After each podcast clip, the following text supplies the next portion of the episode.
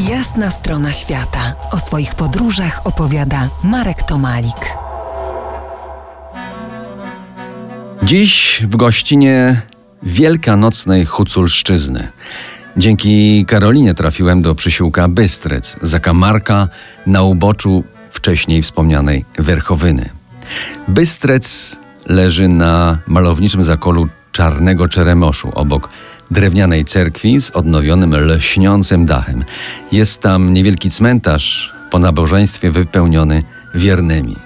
Pamiętam, paliło ostre wiosenne słońce. Wielkanocny zwyczaj zaprasza gromadzić się wokół grobów najbliższych, modlić i biesiadować.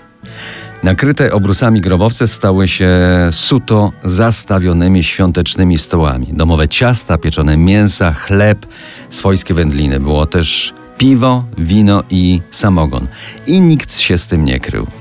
Czas wypełniały wspomnienia zmarłego, rozmowy na bardziej luźne tematy, przeplatane modlitwami i zakąskami. Oczywiście nie było nic w tym z profaną.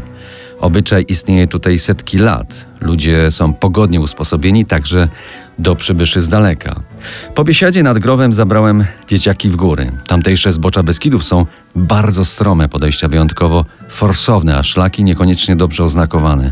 Pną się lasami i połoninami wśród kolib, czyli odpowiedników naszych bacówek. Jeden z chłopców upadł i rozbił głowę. Wyglądało groźnie, ale po fachowo wykonanym opatrunku mogliśmy zejść do samochodu.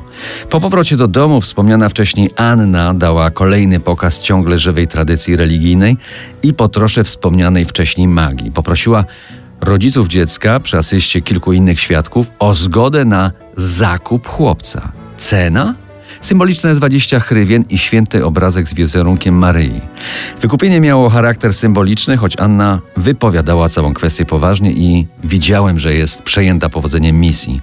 Obwołała się matką opiekuńczą chłopca, jednocześnie polecając go w opiece Matce Boskiej.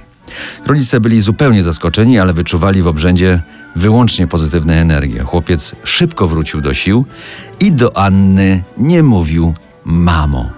Za tydzień zabiorę Was do buszu na przygodę życia najtrudniejszym szlakiem offroadowym na świecie w dalekiej Australii.